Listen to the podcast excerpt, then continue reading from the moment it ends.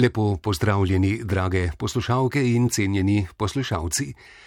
Danes se nam je v studiu pridružila profesorica, dvojna doktorica Irena Avsenik Nabergoj, redna profesorica za književnost in izredna profesorica za religiologijo in religijsko antropologijo, ki večinsko deluje na Univerzi v Ljubljani, kot znanstvena svetnica pa delno tudi na ZRC SAZU na Inštitutu za kulturno zgodovino. Za nami je skoraj celoten, čudoviti mesec maj. Gre za mesec, ki je v katoliških cerkvah posvečen Mariji, Jezusovi materi. V tem času smo imeli veliko priložnosti za še bolj poglobljeno spoznavanje Marije skozi vsakodnevne šmarnične nauke, ki smo jih lahko slišali pri sveti Maši. Lepo je, da vas mesec posvetimo prav Mariji, ki je Jezusova mati in je imela pomembno vlogo tako v njegovem življenju, kot tudi pri oznanjevanju njegovega nauka. V današnji oddaji bomo posebno pozornost namenili podobam device, ki je bila navzoča pri Jezusovem križanju, ter vprašanju, kakšne podobe so se skozi zgodovino oblikovale na evropskih in slovenskih tleh. Kakor smo že omenili, se nam je danes pridružila gostja, ki Mariji posveča veliko pozornosti in ji namenja tudi številne raziskovalne študije. Bi nam za začetek na kratko opisali Mater Marijo in njeno veliko vlogo v Jezusovem življenju. V svetem pismu je podatkov o Mariji premalo, da bi lahko sestavili njen celotni življenjepis. Pozornost evangelistov je v bistvu bolj osredotočena na Kristusa. Pa vendar uh, si že na podlagi redkih omemb, ki jih nova zaveza v evangelijih in apostolskih delih ponuja v Mariji, lahko ustvarimo dokaj jasno uh, Marijino podobo. In tudi podobo njene nenadomestljive vloge v Jezusovem življenju. Vsekakor je najpomembnejše, da je Marija postala mati Jezusa in s tem sprijela edinstveno vlogo posrednice med Bogom in ljudmi. Prvič je Marija omenjena v zgodbi o oznanjenju, ki poroča, da je kot preprosta in ponižna žena živela v Nazaretu in bila zaročena s preprostim obrtnikom Jožefom. To je bil boga boječ in pravičen mož, kot eh, govorijo evangeliji po Mateju, Luku in Janezu. Njena zadnja omemba pa je v apostolskih delih in jo vključuje v družbo tistih, ki so se po Jezusovem v nebohodu v nebesa posvetili molitvi. No, po božji odločitvi je Marija postala božja mati, Jezusa je spremljala skozi življenje, predvsem pa je svojo pomembno vlogo odigrala kot nema priča Jezusovega trpljenja. To se je začelo s sodnim postopkom pred Pilatom, se je stopnevalo z bičanjem in končno končalo uh, s križanjem. Zato jo krščanska crkva časti že od apostolske dobe, njen lik je pa navdihnil tudi številne umetniške stvaritve v zahodni literaturi, v likovni, glasbeni umetnosti. Zaradi novozaveznega pripovedovanja o njeni ponižnosti in poslušnosti Božje, Božjemu poročilu je postala zgled za kristjane v vseh dobah njena navzočnost v Jezusovem življenju pa ni samo dejanska, uprijemljiva.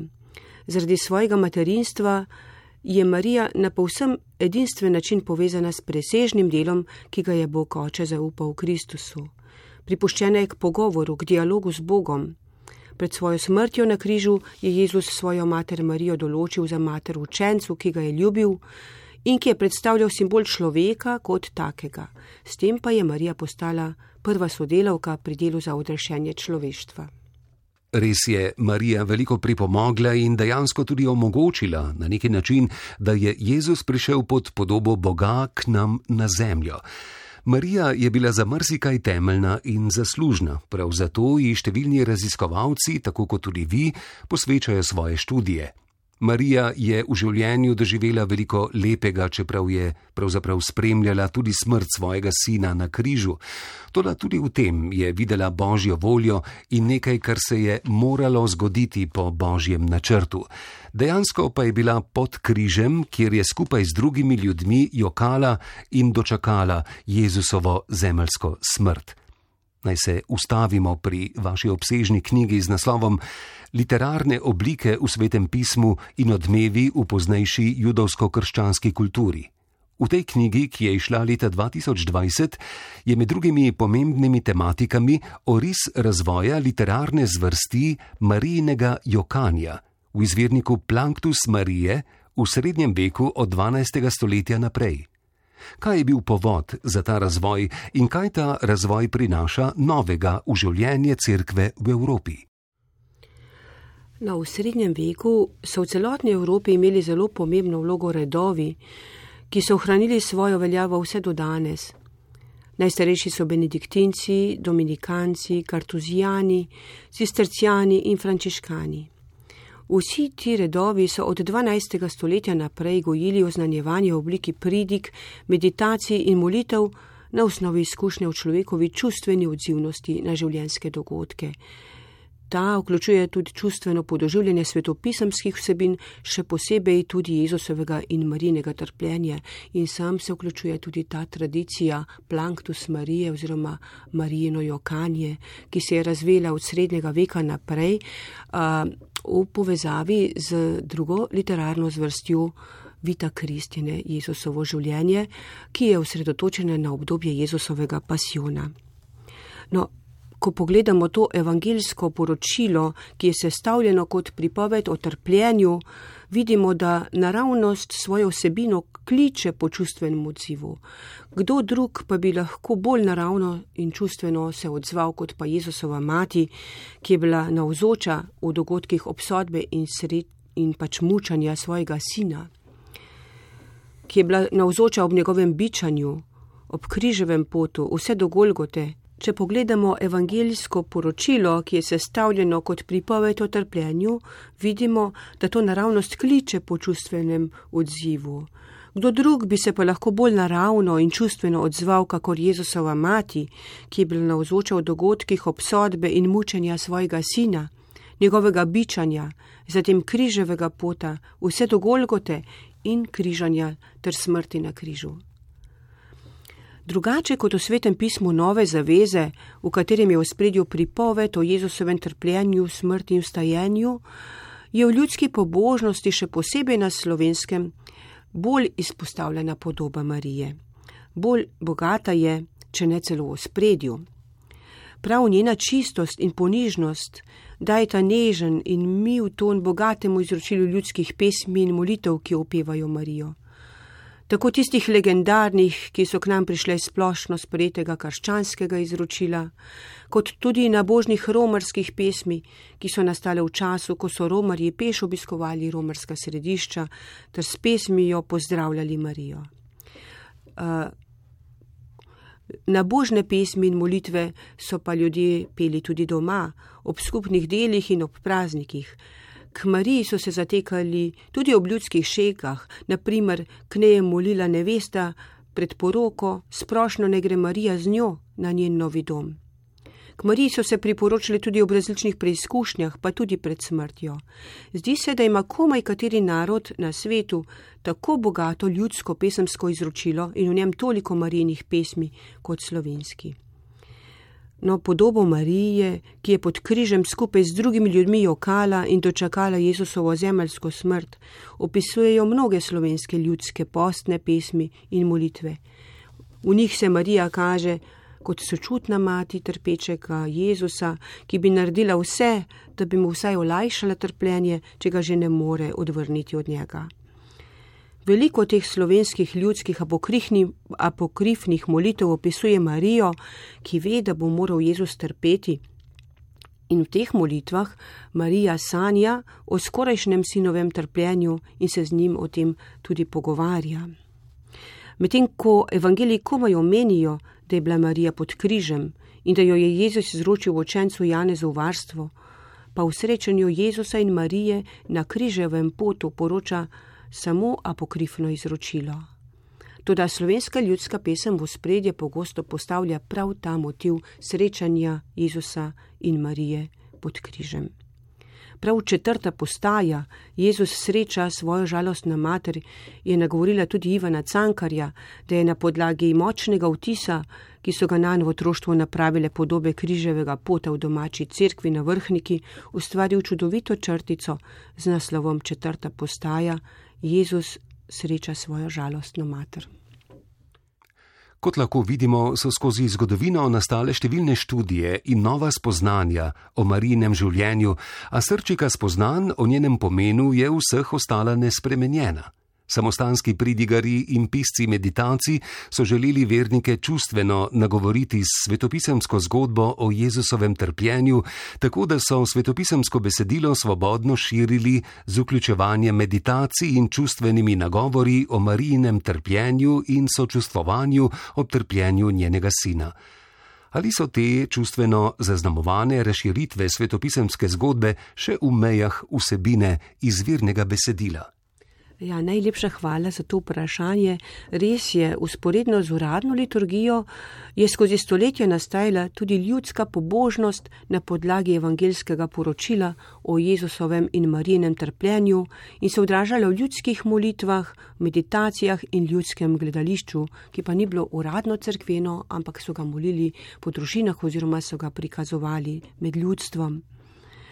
Um, No, za razliko od svetopisemskega besedila, ki samo omenja Marijino navzočnost ob Jezusovi obsodbi pred Pilatom, bičanju in križanju, so v tako imenovani apokrifni literaturi zelo izpostavili Marijin jog, njeno sočutje in žalovanje, česar pač v svetem pismu ni.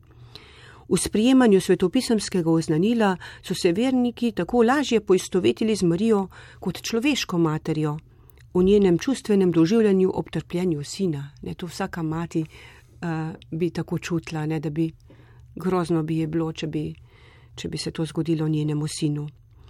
Čustvene razširitve svetopisemskega besedila v ljudski pobožnosti pa niso bile nič na škodo izvirnega besedila, saj je osnovno svetopisemsko sporočilo, kot ste prej že sami povedali, ostalo nespremenjeno. No, vidimo številne stare slovenske ljudske pesmi in molitve, ki slikajo Jezusovo in Marije trpljenje. Um, in ti kažejo, da smo se slovenci k češčenju Marije zatekali tudi v težkih preizkušnjah, ki so nas bremenile skozi zgodovino. Zelo odmeven na slovenskem je naprimer motiv Marije sedmih žalosti. Podoba Marije pa je močno poudarjena tudi v verzificirani pripovedi o Jezusovem trpljenju, ki se je uporabljala kot večerna molitev in je bila ponekod imenovani Zlati oče naš. Prej sem že omenila, ne, kako je Marija v tej pripovedi uh, izpostavljena, uh, kako uh, sanja o Jezusovem trpljenju. Predstavljena pa je v teh molitvah kot človeška mati, ki se ne more pomagati, da ne bi pod križem jokala. Seveda ta pripoved ni izvirno slovenska in jo poznajo tudi drugi narodi, ampak podrobna analiza besedila razkriva številne slovenske prvine. Vidimo, da so motivi uporabljeni delno za pokrifnega izročila, del, delno so pa vse v različnih pobožnosti, ki so nastajale v obdobju po reformaciji, marsikaj pa je spletla ljudska domišljija. Zelo dobro, da so pisci želeli svetopisemsko besedilo približati vernikom, da bi ga ti lažje razumeli in bi bilo človeku bližje. V takšni obliki so ga ljudje zagotovo bolje sprejeli in jim je postalo vsakdanje. Kakšne oblike ljudske pobožnosti do Jezusa in Marije pa so se razvijale na slovenskem? V slovenskem jeziku se je med drugim ohranil rokopis meditacij z konca 18. stoletja, imenovan po kraju najdbe Poljanski rokopis. Lahko poveste kaj več o tem, kakšna je vsebina rokopisa? No, uh, ste pomenili, uh, da je bilo dobro, ne, da so pisci želeli svetopisansko besedilo približati vernikom, Eh, na nek čustven način, da bi ga s tem lažje razumeli in dojeli, vidimo, da so poleg ljudskih pesmi, pesmi za različne pobožnosti, poleg ljudskih molitev na slovenskem nastajale tudi poglobljene meditacije o Jezusovem in Marijinim življenju, ki so bile pa še obsežnejše. Poljanski rokopis, ki ste ga omenili, je verjetno nastal konec 18. stoletja v Poljanski dolini in predstavlja odličen primer, ki potrjuje vse, kar smo do zdaj rekli. Rokopis je zvesto prepisan starejše predloge, ki se nam je delno ohranila v rokopisni obliki. In raziskovalci so gotovili, da ni nastal samostojno na slovenskih tleh, ampak je v bistvu skrajšan in z nemške predloge. Ene izmed monumentalnih izdaj Jezusovega življenja, nemškega kapucinskega patra Martina Kohemskega iz 17. stoletja, ki je bil takrat znameniti pisatelj asketične, hagiografske in druge teološke literature. Na, in ta rokopis na približno 700 stranih velikega formata vsebuje premišljevalno pripoved o Jezusovem in Marijinem življenju na podlagi evangelija z velikimi razširitvami v obliki meditacij, v katerih nagovarja vernike, da bi sočustvovali z Jezusom in Marijo v dogodku pasiona, ki zajema več kot polovico rokopisa. No, evropski izvor tega rokopisa pa dokazuje tudi njegovo pogosto sklicevanje na sveto Brigito Švedsko, eno najvplivnejših mistikin in vizionark 14. stoletja in njeno monumentalno delo razodetja. Njena razodetja vsebujejo približno 700 poročil o njenih videnjih Jezusa in Marije, pa tudi nekaterih svetnikov. Ta videnja je Brigita doživela v molitvi ali zamaknjenju, kontemplacijo. V njih so ji bila posredovana neposredna naročila Jezusa ali Marije, namenjena njej, širšemu krogu ljudi oziroma človeštvu v celoti. Kar na 44 mestih naš poljanski rokopis v obliki citatov iz razodeti navaja Brigite na videnja Jezusovega in Marijinega življenja, pri čemer osrednja pozornost velja obdobju Jezusovega prestajanja pasiona. No in to kaže, da so tudi razodetja svete Brigite Švedske našle pot po vsej Evropi, tudi na slovensko prek bavarskih predlog. Vsebina tega bogatega rokopisa morda še danes lahko pripomore k boljšemu razumevanju svetopisamskih besedil o Jezusovem trpljenju. Zanimivo, kako so se skozi zgodovino te molitve širile in kje vse so jih molili. Tako kot nekdaj ima Marija še danes veliko temeljno vlogo tako v slovenskem kot tudi v evropskem prostoru.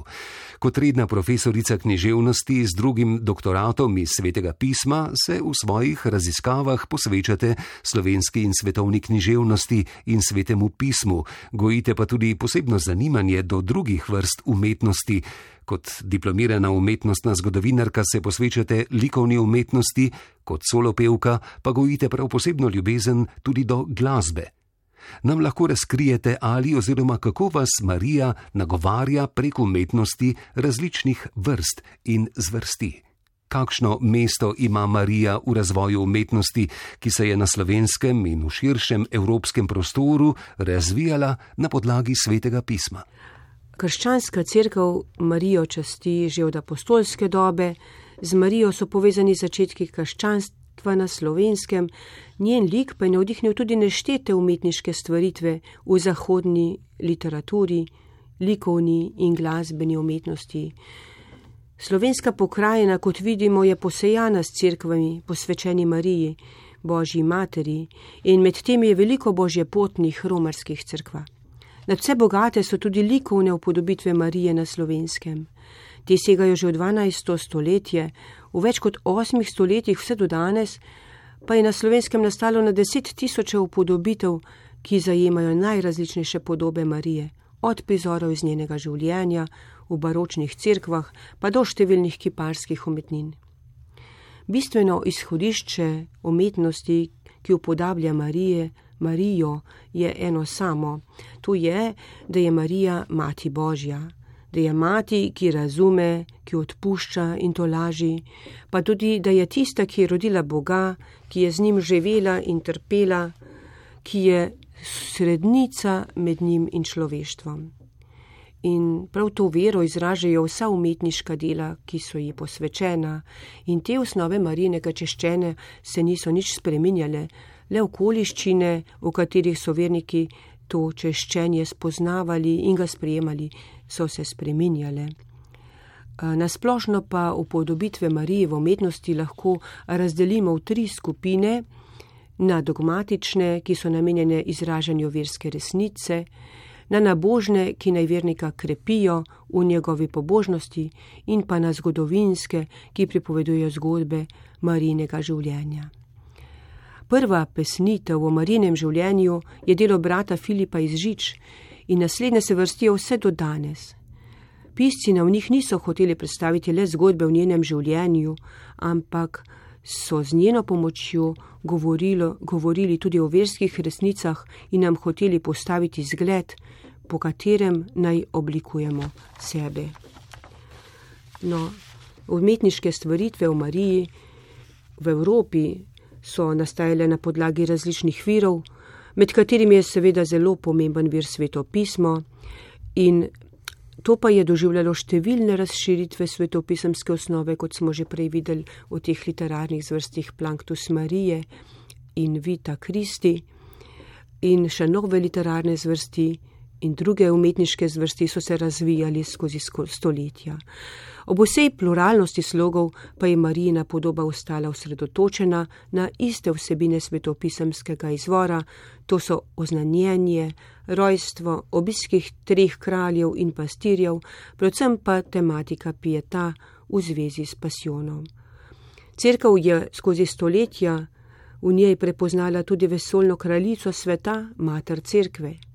V stiskah in preizkušnjah smo se slovenci pogosto zatekali pod marin plašč in tudi še danes mnogo kristijanov v molitvi Roma k njej po pomoč in tolažbo, bodi si v fizičnem, bodi si v globokem duhovnem smislu.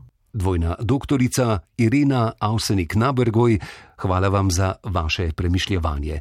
Prepričani smo, da ste zagotovo navdušili marsikaterega poslušalca in mu razkrili, kako bogate so podobe Device Marije in koliko novih vprašanj, pa tudi spoznanj, se nam odpira ob raziskovanju njenega lika. Vam pa, cenjeni poslušalci in cenjene poslušalke, hvala, da ste bili z nami.